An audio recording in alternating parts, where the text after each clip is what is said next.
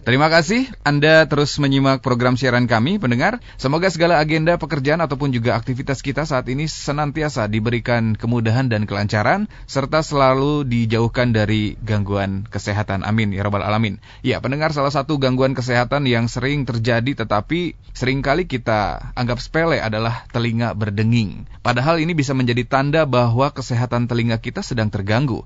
Ya, sakit telinga adalah masalah yang umum, terutama baik pada anak-anak, dewasa ataupun juga orang tua.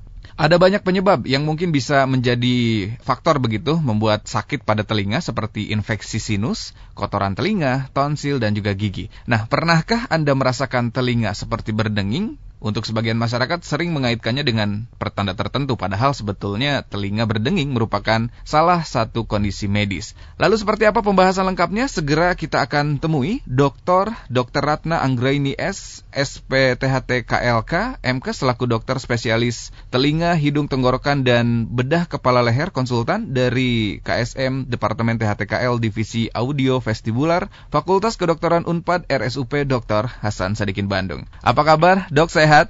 Assalamualaikum. Waalaikumsalam. Alhamdulillah sehat, Mas. Alhamdulillah. Waalaikumsalam warahmatullahi wabarakatuh. Sudah bertugas ya, Dok? Sudah. Sudah ya.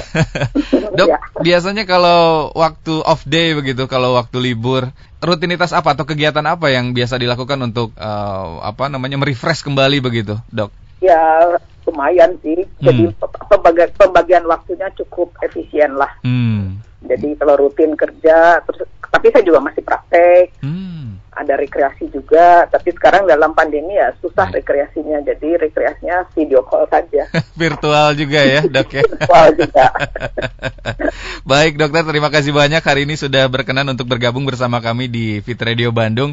Kita akan membahas mengenai apa itu telinga berdenging, Dok. Nah, jadi untuk ya. Anda pendengar yang ingin berkonsultasi langsung juga bersama dengan dokter silahkan bisa SMS ataupun juga WhatsApp kami di 0811 2102 948. Kami ulangi nomornya di 0811 2102 948 ataupun juga bisa mention dan DM kami melalui akun media sosial Twitter @fitradio_bandung. Baik, dokter untuk mengawali mungkin bisa diinformasikan apa istilah medis dan juga penjelasannya untuk telinga berdenging ini, Dok. Iya dikatakan dalam medis biasanya kita menyebutnya sebagai tinnitus. Tinnitus ya dok ya. Hmm. Jadi berasal dari bahasa Latin mungkin re, jadi hmm. itu pendenging. Gitu. Hmm. hmm. Ini berdenging atau berdengung itu punya uh, artian berbeda atau sama saja dok? Uh, prinsipnya sama, hanya kalau nging itu kan yeah. mendenging ya. Iya, yeah, iya. Yeah. Itu lebih cenderung ke nada tinggi, sedangkan hmm. kalau yang ke nada rendah lebih suaranya tuh lebih seperti ngung ngung hmm. gitu. Iya. Beda yeah. kan. Kadang-kadang yeah. kita suka ngerasa high pitch gitu ya, hmm. hmm. gitu kan. Hmm. Kadang-kadang kita merasakan itu terus beberapa saat hilang, hmm. gitu ya. Hmm. Begitu juga yang ngung gitu. Hmm. Baik. Itu bisa dijelaskan dok, kenapa kita bisa sampai mendengar uh, suara seperti itu dok? Iya. Sebetulnya ini merupakan gejala ya. Hmm. Sensasi suara yang seperti ini itu merupakan suatu tanda atau gejala mm-hmm. ada uh, sesuatu yang mengalami kerusakan. Hmm. Dan yang berperan pada keadaan ini yaitu terutama telinga bagian dalam. Hmm. Tetapi juga tidak menutup kemungkinan setiap bagian dari telinga itu punya peran untuk menimbulkan bunyi mendenging ini. Ya, hmm. contohnya kan telinga kita bagi tiga ya, kita yeah. refresh sedikit ya. Iya, yeah, iya. Yeah telinga dibagi tiga, telinga luar, tengah, mm -hmm. dalam ya. Mm -hmm. Nah kalau seandainya di telinga luar itu kan bagiannya telinga, telinga, telinga sama saluran telinga kan, mm -hmm. itu terisi oleh kotoran mm -hmm. ya. Mm -hmm. Itu juga kita suka merasakan adanya keluhan mendenging tersebut, sensasi mendenging tersebut. Mm. Ya. Atau kalau misalnya telinga tengahnya pernah dengar atau sering dengar istilah uh, penyakit yang namanya otitis media atau conge. Hmm, ya, yeah, ya. Yeah mesti paham pastikan ya. Yeah.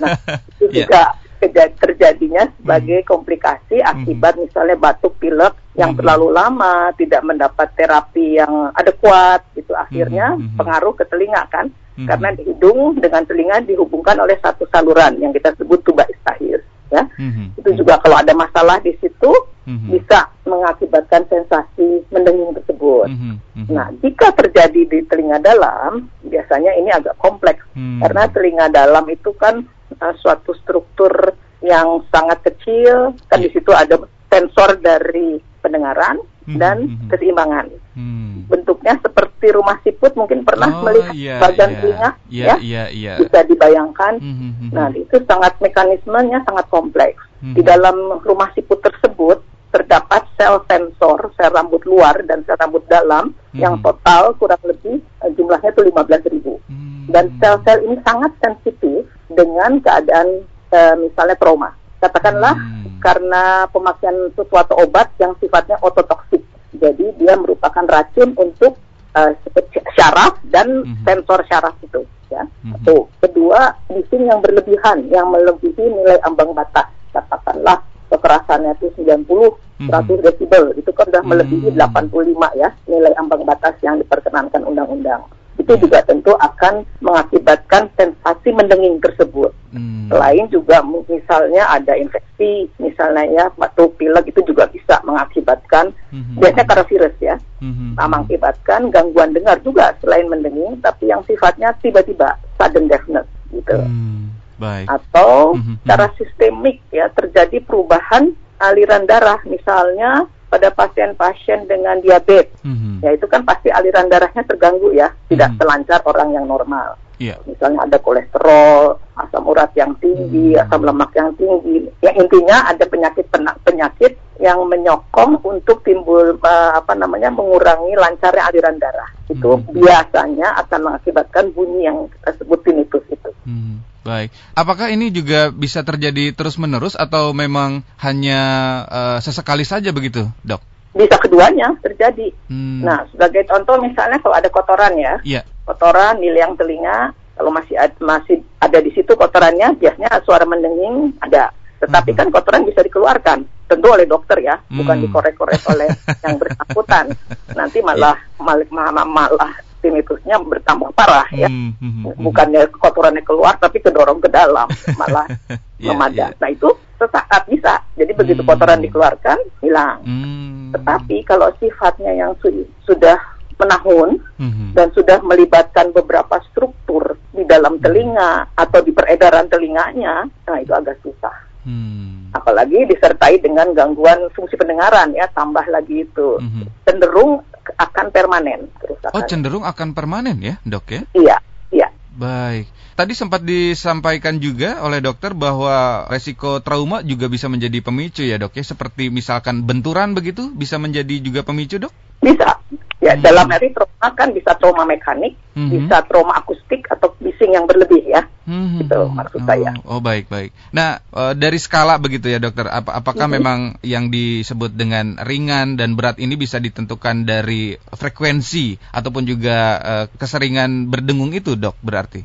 Uh, sebenarnya kalau sudah ada keluhan tinnitus itu itu kita mencari hmm. ada nggak sih gangguan pendengaran karena hubungannya itu sangat erat gitu ya. hmm Kalau hmm seandainya kita cek pendengarannya dengan alat khusus, dengan pemeriksaan audiometri, hmm ya terdapat gangguan dengar, katakanlah yang derajatnya ke arah sedang, ya hmm biasanya disertai tinnitus atau yang gangguan dengar yang uh, derajat berat ya. hmm Baik, untuk tes mandiri memungkinkan tidak dok?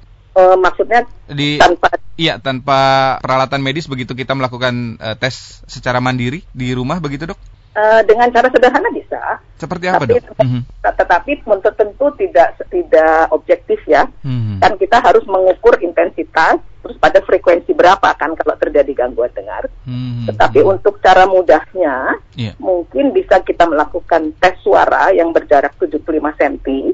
Yeah. Jadi kita bisikan kira-kira ke telinga orang yang ingin kita tes gitu ya. Mm-hmm. Mulai kata ber, berbisik aja. Mm-hmm. Misalnya tanya namanya siapa Nah, dia bisa jawab nggak? Bisa namanya siapa begitu ya? Ya, kalau dia, ya. itu, itu kan bisik ya. Iya, iya. Kalau dia bisa mendengar suara bisikan, hmm. artinya telinganya normal. Hmm. Tetapi kalau dia baru bisa mendengar dengan suara biasa, percakapan biasa, mungkin itu dia akan mengalami kecenderungan untuk gangguan ringan atau justru sedang, gitu. Hmm, baik. Nah, kalau misalnya lebih keras, dia baru yeah. kita bersuara lebih keras, dia baru bisa mendengar, mungkin yeah. derajat berat yang berat sekali itu kalau kita teriak di depan telinga orang tersebut mm -hmm. tetap dia tidak mendengar nah itu berat sekali gitu mm. itu cara sederhana yang bisa dilakukan oleh yeah. siapa pun gitu ya itu sebagai screening awal tapi ya mm -hmm. karena kita tidak tidak secara apa akurat bisa menentukan berapa sih intensitasnya pada de, de, uh, intensitas berapa dia baru merespon hmm. ya pada frekuensi apa kira-kira peningkatan ambangnya nah, hmm. itu dites dengan pemeriksaan audiometri namanya. Hmm. Baik, jadi itu memang e, pemeriksaan awal begitu ya dok ya untuk Betul. mengetahui seberapa parah gejalanya begitu yang dirasakan. Dok, ketika kita berbicara mengenai gejala, mungkin bagaimana cara kita untuk meredakan begitu dari mulai telinga yang berdengung begitu yang tadinya memang dalam durasi yang cukup lama dengan cara yang mandiri pun memungkinkan atau tidak dok sebetulnya? Maksudnya untuk mengecek pendengaran tadi saya sudah jelaskan ya. Mm -hmm, yeah. Tetapi kalau misalnya bunyinya itu tidak hilang-hilang, yeah, yeah. katakanlah sampai berbulan-bulan, hmm. tentu kita harus cek kan apa sih penyebabnya. Hmm. Nah tadi saya sampaikan kan ada beberapa penyakit ya, yang mengakibatkan timbulnya tinnitus hmm. atau mendenging ini, misalnya uh, penyakit uh, diabetes ya misalnya. Hmm. Kadar gula darahnya tinggi, tidak terkontrol, pasti pasti itu kan mempengaruhi aliran darah secara keseluruhan ya, hmm. termasuk hmm. ke telinga. Mm-hmm. Nah, kita harus tahu kalau misalnya gula darahnya tinggi, tentu kita kan harus mengkonsulkan yeah. ke dokter penyakit dalam, harus mm-hmm. diterapi ataupun mm-hmm. ada apa aktivitas yang lain. Dengan mm-hmm. harapan kalau itunya segera diobati, dalam arti kata tidak ditunda-tunda loh ya. Yeah. Itu kemungkinan sembuh masih bisa karena mungkin nanti kan diabetesnya juga terkontrol dengan obat. Mm-hmm. Ya insya Allah juga mungkin kalau belum terlalu parah, mm-hmm. tinnitusnya juga makin lama akan hilang gitu. Baik. Berarti tinnitus ini masuknya ke penyakit atau gangguan, Dok? Gangguan. Oh, gangguan gejala. ya. Gejala ya, Dok ya. Gejala. Jadi kita hmm. harus tahu penyakit primernya itu apa. Oh, baik. Ya, gitu. ya. Jadi tinnitus ini tanda begitu ya, Dok ya, sebetulnya betul, ya. Betul, hmm. Apakah ini bisa mempengaruhi ke pendengaran, dokter? Nantinya begitu bisa, dalam? Bisa, tergantung apa penyebabnya. Hmm, hmm, hmm. hmm. Ya, saya ambil lagi contoh uh, diabetes lah ya itu hmm. diabetes itu kan memang sangat merusak ya gula darah itu. Hmm. Kalau sudah terlalu lama, ya memang dia akan mengakibatkan gangguan dengar juga hmm. dan sifatnya permanen. Iya, iya. Kalau gula darahnya tidak terkontrol, hmm, hmm. gitu. Baik, terima Bukan kasih. aja ke mata juga bisa jadi katarak. Diabetes itu sangat-sangat apa? Efeknya itu sangat ya. mengerikan lah ya kalau kita tidak mengontrolnya dengan baik. Baik. Ya, ini contoh saja ya. Hmm, hmm, hmm. Baik, terima kasih. Berarti memang tinnitus ini adalah tanda begitu gangguan ya, dok ya, betul, dan betul. Uh, bahwa di tubuh kita ini ada penyakit begitu yang harus ditangani. Nah, dokter, apakah dengan dengan menggunakan alat bantu dengar ini bisa membantu dok untuk yang tadi dokter sebut adalah permanen begitu ya? Nah, iya. ketika menggunakan alat dengar, apakah memang bisa cukup membantu atau seperti apa dok? Tergantung derajat gangguan dengarnya. Jadi hmm. pada awalnya kan kita tanya ada gangguan dengar nggak? Kalau pasien bilang ada, kita tes dulu seberapa hmm. besar peningkatan ambang dengarnya itu. Ya hmm. apakah dia mengalami gangguan yang sedang atau berat. Nah hmm. nanti kalau misalnya sudah ke arah berat itu agak susah ya. Hmm. Tapi kalau masih ringan ke sedang, kemungkinan masih bisa pulih. Baik. Tergantung juga penyebabnya apa gitu, penyakit primernya. Mm-hmm. Gitu. Baik. Jadi nanti kalau misalnya untuk koreksi bisa pakai alat bantu dengar, tentunya Baik. disesuaikan dengan kebutuhan derajat gangguan dengarnya. Kan prinsip alat bantu dengar itu mengamplifikasi bunyi sekitar kan yeah, di atas yeah. ambang dengar yang sudah uh, diperiksa mm-hmm. uh, oleh dokter terhadap pasien tersebut. Mm-hmm. Nah kalau sudah diamplifikasi dia sudah mendengar, ya insya Allah dia tetap dapat berkomunikasi. Mm-hmm. Baik, terima kasih dokter. Dan untuk Anda pendengar yang ingin berkonsultasi bersama dokter silahkan kami ingatkan kembali nomornya di 0811 2102 948 bisa melalui WhatsApp ataupun juga SMS ataupun juga bisa DM melalui akun media sosial Twitter Radio Bandung. Baik dokter, selain diabetes yang tadi sempat dijelaskan juga oleh dokter, apa ada hal atau penyakit lainnya lagi yang perlu diperhatikan? Dan jika misal mempunyai komorbid e, yang harus disembuhkan atau bisa pulih sendirinya berdengung itu dok sebetulnya tanpa harus disembuhkan komorbidnya maksudnya? Hmm, agak sulit mungkin ya. Hmm. Misal komorbid pada pasien uh, keganasan ya. Hmm, hmm, hmm. Pada pasien keganasan itu kan biasanya diberikan terapi kombinasi ya, hmm. apakah hemoradiasi, apa hemoterapi plus radiasi mm-hmm. ataukah dioperasi. Nah, yang bahaya bukan yang bahaya, yang akan memperparah mm-hmm. yaitu di, memberikan kemoterapi karena pada umumnya obat-obat kemoterapi itu sifatnya ototoksik. Jadi mm-hmm. hampir pasti seseorang yang mendapat kemoterapi akan mengalami gangguan dengar sensori neural yang permanen. Jadi mm-hmm. gangguan dengar tipe syaraf yang menetap gitu loh. Baik. Jadi memang ini kita dihad dokter dihadapkan pada pilihan yang sulit Hmm. Kita harus menghilangkan sel-sel kansernya, hmm. tetapi dampaknya jadi gangguan pendengaran gitu. Baik. Jadi memang ini kita harus uh, apa namanya menyeimbangkan bagaimana hmm. nanti mungkin tergantung dosis kemoterapi obat kemoterapinya juga hmm. ya, hmm. tergantung stadiumnya juga. Hmm. Jadi memang suatu pilihan yang tidak nyaman, tidak enak ya bagi pasien ya. Hmm. Baik, dok tadi yang disebutkan parah atau uh, akan semakin parah pendengaran bisa berakibat hingga ketulian begitu dok maksudnya? Bisa mas, hmm. bisa. Baik, terima kasih dokter. Ini ada beberapa yang sudah bergabung bersama kita dok melalui SMS dan juga ya. WhatsApp. Tapi sebelumnya tanggapan dokter mengenai kabar uh, masalah pendengaran ini juga bisa menjadi salah satu gejala dari virus corona dok. Ya, kalau virus corona ini cenderung ke arah peradangan ya. Hmm. Jadi kan namanya virus, virus pasti menginvasi tubuh yeah. secara keseluruhan, peradangan, infeksi kan. Yeah. Yeah. Nah itu ada beberapa kasus yang mengakibatkan gangguan pendengaran tipe syaraf juga. Hmm. Tipenya sudden, jadi tiba mendadak tiba-tiba gitu ya. ya. Hmm, hmm, nah, hmm, hmm, hmm. nah kalau seseorang datang dengan keluhan sudden deafness ya ke fasilitas yang PHT hmm. insya Allah bisa sembuh. Jadi kita akan berikan obat penolaknya gitu ya. Hmm. Bisa kok insya Allah. Ini ada beberapa ya, yang ya. seperti itu. Baik, ini memang terjadi karena peradangan ber berarti ya dok ya? Ya, sumbernya peradangan. Sumbernya dari peradangan. Baik, terima kasih dokter. Ada Ibu Fani yang sudah bergabung di TKI di Kopo mungkin ya, Taman Kopo Indah. Telinga ya. sering berdengung dokter di bagian kiri dan sering sekali terjadi. Apakah itu kemungkinan adanya gejala tumor? Soalnya dulu pernah terkena polip sekali tetapi sudah sembuh. Mungkin bisa ditanggapi, Dok? Iya, tumor ini telinga kan? Hmm. Ada gejala tumor di telinga maksudnya? Iya, iya, mungkin seperti itu, Dok. Iya, ya tergantung ya. Kalau misalnya diagnosis atau ini memang tumor, apakah itu suatu tumor jinak atau tumor ganas ya? Hmm. Terus nanti memang bisa sih mengakibatkan ini, tapi tentu harus di follow up ya hmm. uh, sejauh mana uh, dampak pendengarannya ya apakah gangguannya ini derajatnya sedang atau berat ya hmm, hmm, hmm. kemudian kalau misalnya itu ada nah itu sudah diperiksa belum ibu ini Ya, ini punya riwayatnya dulu pernah terkena polip sekali, dokter. Tapi setelah polip telinga. Iya, setelah itu sudah sembuh. Oh ya. Nah, hmm. sekarang pendengarannya bermasalah nggak? Hmm. Itu kan kita harus tahu kan. Iya, iya. Kalau ya. pendengar kan biasanya tuh mendenging itu hampir selalu diiringi oleh gangguan pendengaran. Hampir, walaupun tidak selalu ya, hampir hmm. katakan ya, hmm. selalu di. Jadi lebih baik memang kita tes dulu pendengarannya. Baik, nah, baik. Nah, gitu. Apakah juga dibarengi dengan pendengaran yang menurun begitu ya, dokter Betul. ya? Betul. Uh, uh, hmm. hmm. Ya. Seperti itu Ibu Fani di TKI. Terima kasih ada Ibu Ina di Buah Batu, dokter. Sekitar satu minggu yang lalu telinga saya berdengung, sakit mengunyah dan demam. Sekarang sudah sembuh dengan sendirinya, dokter. Itu kenapa ya? Saya khawatir kambuh lagi, hatur nuhun. Iya. Mm-hmm. Sakit waktu mengunyah. Nah, yeah. ini bagaimana giginya? Hmm. Apakah giginya ada lubang? Apakah giginya ada terkena akses? Itu juga akan mengakibatkan nyeri, bisa hmm. ke telinga, bisa mendenging juga. Oh, gitu. Yeah, yeah, yeah. Jadi terutama ya gigi aja lah, terutama hmm. rahang atas ya biasanya. Hmm. Ya. Jadi gigi ini juga menjadi vokal infeksi juga untuk hmm. uh, berdampak keluhan ya, ke hmm. telinga gejala lanjutannya. Biasa seperti itu. Selain juga pengaruhnya mungkin komplikasi ke situs-situs ya.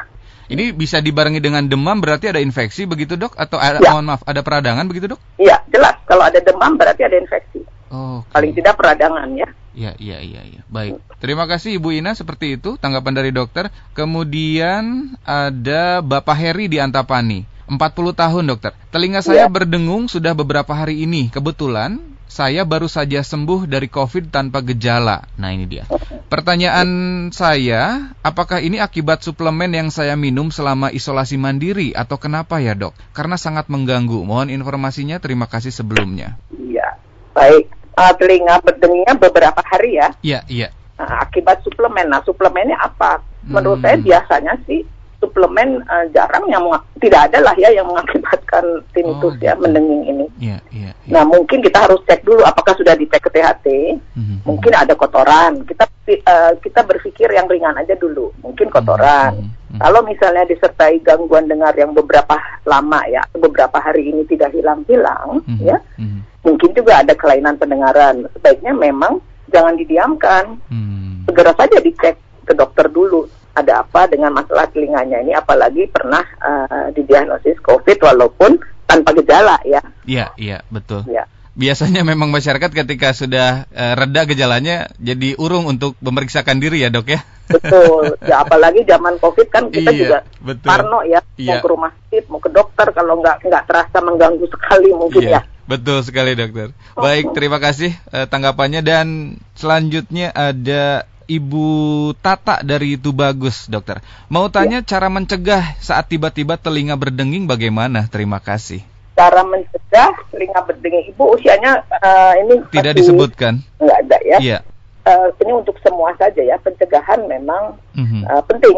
Ya, mm. Jadi seperti tadi karena pengaruh banyak yang mengakibatkan gangguan dengar dan tinnitus, yaitu kita mm. jangan menyetel lagu terlalu mm. keras di telinga kita itu akan berdampak satu gangguan dengar disertai tinnitus. Hmm. Kemudian juga jangan sembarang memakan obat tanpa resep dari dokter. Hmm. Beberapa obat penawar nyeri itu juga kalau kita terlalu lama memakannya juga akan mengakibatkan dampak tinnitus. Juga hmm. beberapa antibiotika walaupun sifatnya tinnitus ini temporer, jadi dia bisa hilang setelah obatnya di stop. Lain kalau sejenis obatnya yang sifatnya ototoksik permanen ya seperti tadi anti cancer, mm-hmm. anti TBC mm-hmm. itu itu permanen ya. Kan penyakit TBC kan masih banyak ya di kita. Iya, yeah, iya. Yeah. Nah, itu yang harus dihindari. Intinya mm-hmm. sih nomor satu jangan korek-korek telinga. Itu mm-hmm. juga akan mengakibatkan tinnitus tapi yang temporer. Mm-hmm. Jadi dalam arti kata kalau ada keluhan telinga apalagi mengalami gangguan dengar mm-hmm. harus cepat ke dokter. Mm-hmm. Diyakinkan bahwa tidak ada kelainan. Mm-hmm atau patologi dari kerusakan di organ telinga tersebut, hmm. apakah di telinga luar, telinga tengahnya, atau telinga dalamnya gitu. Baik. Mungkin itu yang harus diwaspadai. Hmm. Baik, terima kasih dokter. Memang cukup mengganggu ya ketika berdenging dengan durasi cukup lama waktunya begitu ya dok ya. Dan iya. apalagi di, jika memang disertai dengan menurunnya pendengaran ini harus segera diperiksakan begitu dokter ya. Betul. Baik, terima ya. kasih dokter untuk tanggapannya begitu Ibu Tata. Kemudian ada Ibu atau Bapak Agni dari Margahayu dokter. Assalamualaikum, waalaikumsalam warahmatullahi wabarakatuh. Mau bertanya apakah keluhan telinga berdenging pada orang tua bisa sembuh? Jika bisa, pengobatannya dengan obat atau bagaimana dok? Terima kasih. Iya.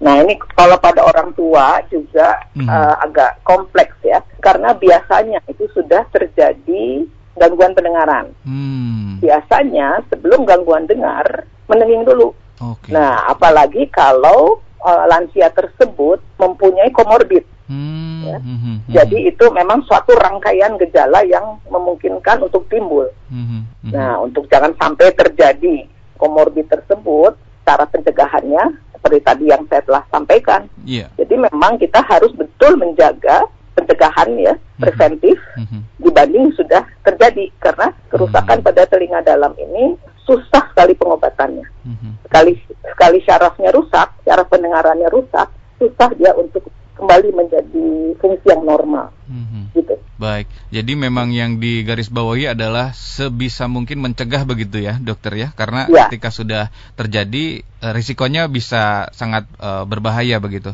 Baik, ini lumayan banyak juga SMS yang masuk dokter. Kami Baik. bacakan satu persatu ya. Ada Baik. dari Bapak Jordi di Pasir Koja, dokter.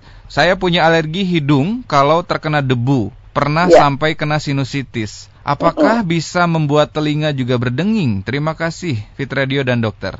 Bisa sekali. Hmm. Bisa sekali. Kan kalau pasien alergi terhadap sesuatu ya, misalnya mau debu, mau dingin, mau apa pun lah ya, yeah. itu pasti kan bermasalah di hidungnya hidung itu terutama berhubungan sekali ke arah rongga sinus yang ada di wajah kita. Mm-hmm. Berhubungan juga dengan telinga, dengan saluran yang saya sebut tadi tuba istahil. Mm-hmm. Jadi itu pasti akan timbul tinnitus. Hampir pasti lah ya, hampir bukan pasti. pasti, hampir pasti mm-hmm. akan timbul tinnitus itu. Mm-hmm. Tapi nanti itu biasanya hilang timbul, mm-hmm. tidak tidak apa tidak permanen tidak ya. permanen ya dok ya baik jadi memang hampir hampir pasti begitu ya disertai dengan iya. tinnitus ini ya dokter baik Betul. seperti itu bapak Jordi kita berlanjut juga ada ibu Ine di Jalan Jakarta dok kenapa ya kalau kita menggunakan obat tetes telinga kadang suka menjadi pusing begitu bisa ditanggapi hmm. dok ya nah ini saya ingin tanya lagi uh, hmm. gendang telinganya utuh nggak Hmm. Kalau gendang telinganya pernah pecah, ya robek mm-hmm. akibat mm-hmm. penyakit misalnya batuk pilek ya, atau apa pun yang mengakibatkan tekanan di telinga tengah meningkat mm-hmm. sehingga merobek gendang telinga. Gendang telinga itu merupakan oh, batas antara telinga luar dengan telinga tengah kan ada selaku tipis mm-hmm. itu. Mm-hmm. Nah kalau ada sesuatu proses yang desakan dari telinga tengah akibat uh, batuk-batuk pilek yang kronis, tentu hmm. tekanan di telinga tengah meningkat, jadi cairan dari hidung itu akan masuk ke rongga di hmm. belakang gendang telinga. Hmm. Kalau cairannya sudah banyak, tentu akan mendorong uh, merobek ya yeah. pelaku tipis tersebut. Nah, oh. Nah, ditanyakan perforasi, uh, bolong yeah, gendang yeah, telinganya. Yeah, yeah. Kalau itu diberi tetes, ya bisa saja sih jadi oh. vertigo jadinya. Jadinya vertigo. Jadi ya? hati-hati, ya? uh, ya, jadi iya. hati-hati dalam pemakaian tetes telinga, apalagi yang mengandung antibiotika itu harus dengan resep dokter, jangan beli sembarangan gitu. Hmm.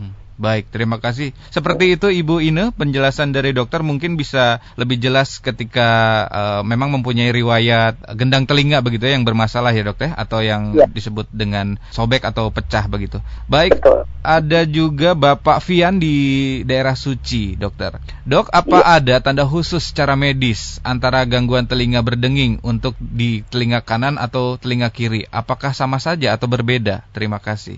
Uh, masih sama ya tergantung hmm. kerusakannya apa, tergantung penyebabnya apa. Biasanya hmm. uh, bisa satu telinga, bisa kedua telinganya sekaligus memang. Oh, baik. Jadi yeah. sebaiknya kalau sekali lagi saya tekankan kalau ada sudah keluhan tinnitus ini, apalagi jangka waktunya sudah cukup lama tidak hilang-hilang, yeah. segeralah diperiksakan karena kita nggak tahu mungkin sudah ada gangguan di syarafnya, jadi pendengarannya juga terkena gitu loh. Hmm.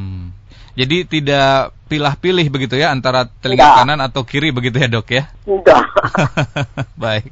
Dokter ada yang bertanya tidak disebutkan namanya. Dok berapa batas normal desibel? Apa batas normal desibel suara sama untuk semua usia? Terima kasih. Iya. Intinya sama. Jadi hmm. kalau kita normal itu bisa mendengar kisaran 0 sampai 25 desibel itu telinga orang yang normal. 0 sampai 25 desibel ya, Dok? Desibel. Hmm. Kalau uh, intensitasnya baru apa dia mendengar di antara range 26 sampai 40 desibel, hmm. artinya dia mengalami gangguan ringan. Hmm. Ya. Kalau 41 sampai 60 baru mendengar diberi sumber suara, dia mengalami gangguan dengar yang tipe sedang. Mm-hmm. Di atas 61 sampai 80 gangguan dengar berat, di atas 80 itu berat sekali. Jadi oh sama. My. Itu eh, derajatnya gitu ya. Dok, Makanya untuk itu, mohon maaf dok saya ya. potong. Untuk contoh Silahkan. suara dari 0 sampai 25 des desibel ini seperti apa ya dok bagi masyarakat awam begitu dokter? Kalau di pokoknya lingkungan yang sepi sekali. Oh, Jadi hanya ada hembusan daun, hembusan angin terhadap daun gitu. Oh. Baik. Kebayang kan? Iya, iya, iya. 20 desibel, kalau sepi sekali sunyi, nggak ada apa, hanya suara angin, milir gitu, itu 20 desibel. Hmm. Kalau di ruang, di kompleks perumahan, hmm. kalau malam misalnya ya, hmm. nah itu yang paling nyaman untuk tempat istirahat gitu ya, hmm. tempat hmm. rumah yang tenang, itu sekitar 30 desibel, maksimal 40 lah. Hmm. Supaya yeah. tidur kita nggak terganggu, ya nyaman. Yeah, yeah itu sekitar gitu. Kalau lalu lintas ramai itu 70 80 sudah mengganggu kan? Nggak enak kan ya, ke telinga. Ya, berarti kalau untuk area jalan raya begitu ya? Ya, jalan minimal, raya itu hmm, sekitar hmm, 80 bisa 90 hmm. hmm. keras sekali itu. Iya, iya. Baik. Apalagi kalau hmm. sedikit apa hmm. di jalan ini di pinggir rel kereta ya. Iya. Bayang kan? Tidak nyaman ya, Dok ya? Tidak nyaman. Tidak nyaman. Baik, terima kasih dokter penjelasannya. Assalamualaikum, waalaikumsalam warahmatullahi wabarakatuh. Dokter mau bertanya, keponakan saya sering mengeluh telinganya berdenging. Biasanya karena apa ya dok kalau untuk anak-anak? Terima kasih. Uh, kalau anak-anak biasanya dua kemungkinannya. Ada kotoran, satu, mm -hmm. atau dia sering batuk pilek. Oh, baik. Kalau batuk pilek, apalagi dia mempunyai dasar alergi turunan dari orang tuanya ya, mm -hmm. itu mhm. biasanya suka seperti itu. Hmm. Ada keluhan yang bisa ya. Baik. Jadi memang uh, selain kotoran juga tadi gejala ya dok ya, berarti ya. ada tanda bahwa anak sedang bermasalah kesehatannya begitu ya dokter ya. Betul, betul. Baik. Terima kasih dokter penjelasannya. Ini satu lagi nggak apa-apa ya dok ya? Oh, silakan. ada dari Bapak Badru di Pasteur. Dokter. Ingin iya. bertanya, ya. saya ada keluhan sering pusing berputar disertai uh. telinga berdenging. Uh -huh. Sudah berobat, dikatakan ada penyempitan tulang belakang. Apakah uh. ada hubungannya dengan pusing berputar akibat penyempitan tulang belakang dengan telinga berdenging, dokter? Terima kasih. Iya. Uh mhm. -huh. Penyempitan tulang belakang, ya mungkin ada apa? Dari kasus ortopedi ya. Mm -hmm. Karena trauma atau apa, nggak tahu ya. Ya, tidak dijelaskan dokter. yeah. Tapi ada gejala vertigo, kita yeah. sebut pusing berputar itu vertigo. Vertigo ya dok, ya. ya, ya. Disertai tinnitus. Mm -hmm. Ini juga usianya tidak disebutkan Tidak ya. disebutkan ya? dokter, iya. Oke, okay. jadi vertigo ini pun bisa dibagi dua ya. Kalau disertai mual muntah yang hebat, mm -hmm. Kemungkinan itu penyebabnya dari telinga ya. Hmm. Tetapi jika tidak disertai mual muntah yang hebat sekali, hmm. mungkin juga akibat dari uh, tulang belakangnya ini bisa karena oh. itu kan oh. juga menghambat uh, aliran darah segala macam ke sana kan. Hmm. Jadi tidak meng, uh, tidak lancar lah ya peredaran hmm. darah di daerah tersebut. Hmm. Itu juga akan mengakibatkan vertigo. Jadi memang vertigo itu juga gejala sama dengan tinnitus. Oh. Jadi kita harus cari penyebab primernya itu apa. Hmm. Gitu banyak sekali makanya bikin pusing juga kalau yang udah datang dengan keluhan vertigo mm-hmm. atau tinnitus atau vertigo dan tinnitus mm-hmm. kita harus harus trace semuanya penyebabnya itu apa yang pada pasien-pasien pasti berbeda ya satu sama lainnya mm-hmm. jadi harus di screening lengkap. Baik. Gitu. dokter seberapa erat sebetulnya ini gangguan telinga dengan sakit kepala dokter? Karena dari tadi kan istilahnya memang sangat berkaitan begitu ya vertigo terus uh, pusing begitu. Nah ya. apakah memang erat sekali dokter hubungannya antara gangguan di telinga ini dengan uh, penyakit di kepala atau sakit kepala ini dok erat sekali sih nggak ada pasti ada hubungannya kan kita juga mungkin ada keluhan sering suka migrain ya sakit mm -hmm. gitu kan mm -hmm. sakit kepala sebelah ya itu ada memang hubungannya tapi mm. biasanya itu karena vaskularisasi jadi uh, gangguan pada peredaran darahnya ya oh. ada yang terganggu gitu bisa mungkin bisa penyempitan entah apa itu penyebabnya bisa jantung mungkin mm. jantungnya tidak benar memompanya ya karena fungsinya tidak 100% baik bisa ke arah iya. sana. Itu salah satu saja penyebab ininya ya. Baik. Atau -hmm. apakah penggunaan obat-obat tertentu bisa mengakibatkan tinnitus ini, dokter? Kalau pemakaiannya lama, mm -hmm. ya kemungkinan mm -hmm. besar ya mm. bisa. Baik. Jadi untuk menjawab pertanyaan dari Bapak Badru tadi, apakah memang uh, ada hubungannya dengan penyempitan tulang belakang? Bisa dilihat dari gejalanya ya, apakah vertigo ini disertai dengan mual dan muntah begitu ya, dokter? Ya. Jika jika disertai dengan mual dan muntah ini uh, dari telinga ya, tapi kalau tidak berarti bisa menjadi tanda bahwa memang ini ada hubungannya dengan penyempitan tulang belakang. Seperti itu mungkin ya. dokter ya? Iya, mungkin untuk penyempitannya bisa dikoreksi mungkin oleh oh. bagian oh. ortopedi hmm. atau neurochirurgi, hmm. ya tergantung bagaimana apa namanya kerusakannya atau hanya mungkin fisioterapi. Hmm. Jadi memang harus uh, beberapa disiplin gitu yang bertanggung jawab. Baik, memeriksakan ya dokter ya. Pemeriksaannya, ya. Baik, baik. Terima kasih, dokter. Sebelum uh, closing statement, mungkin ada langkah pencegahan yang bisa diedukasi kepada kita semua agar kita bisa terhindar dari gangguan telinga berdenging atau tinnitus ini, dokter. Iya, terima kasih. Hmm. Ya, kebetulan sekali kita ini sedang memperingati World Hearing Day hmm. dan tema untuk tahun ini yaitu Hearing Care for All. Jadi hmm. lebih menekankan uh, tindakan preventif hmm. Hmm. dan promotif ya dibanding terapi lah ya. Hmm. Jadi memang nomor satu saya ingin mengingatkan lagi, menekankan lagi harus uh, ada pola hidup sehat lah dalam arti mm -hmm. keseluruhan lah ya. Mm -hmm. Jadi pola hidup sehat, apakah dari cara dietnya, cara kebiasaannya, ya seperti tadi misalnya mendengarkan musik, mm -hmm. ya kalau misalnya makan jangan makan yang terlalu misalnya berlemak, hmm. kolesterol tinggi dan sebagainya. Itu kan semuanya awalnya dari kita mengerem kan kebiasaan kita kan, yeah. pencegahan kan. Yeah. Nah, karena kalau sudah terjadi ya susah yang susah kita juga gitu pak. Mm-hmm. Mm-hmm. Mm-hmm. Jadi preventif mm-hmm. lebih utama lah mm-hmm. dibandingkan kuratif ya, kuratif mm-hmm. pengobatan. Mencegah selalu lebih baik begitu ya daripada iya. mengobati ya dokter ya. Mungkin itu pesan saya ya. Terima kasih mm-hmm. banyak dokter untuk waktu ya. dan kesediaannya sudah bergabung bersama kami. Semoga ya. tidak bosan untuk bisa tetap mengedukasi di lain waktu ya dok ya. Baik, insya Allah. Mohon maaf kalau ada yang kurang berkenan dan semoga keterangan saya ini bisa bermanfaat terhadap Bapak Ibu sekalian. Amin, ya Rabbal Alamin. Terima kasih dokter, sehat selalu dan selamat beraktivitas.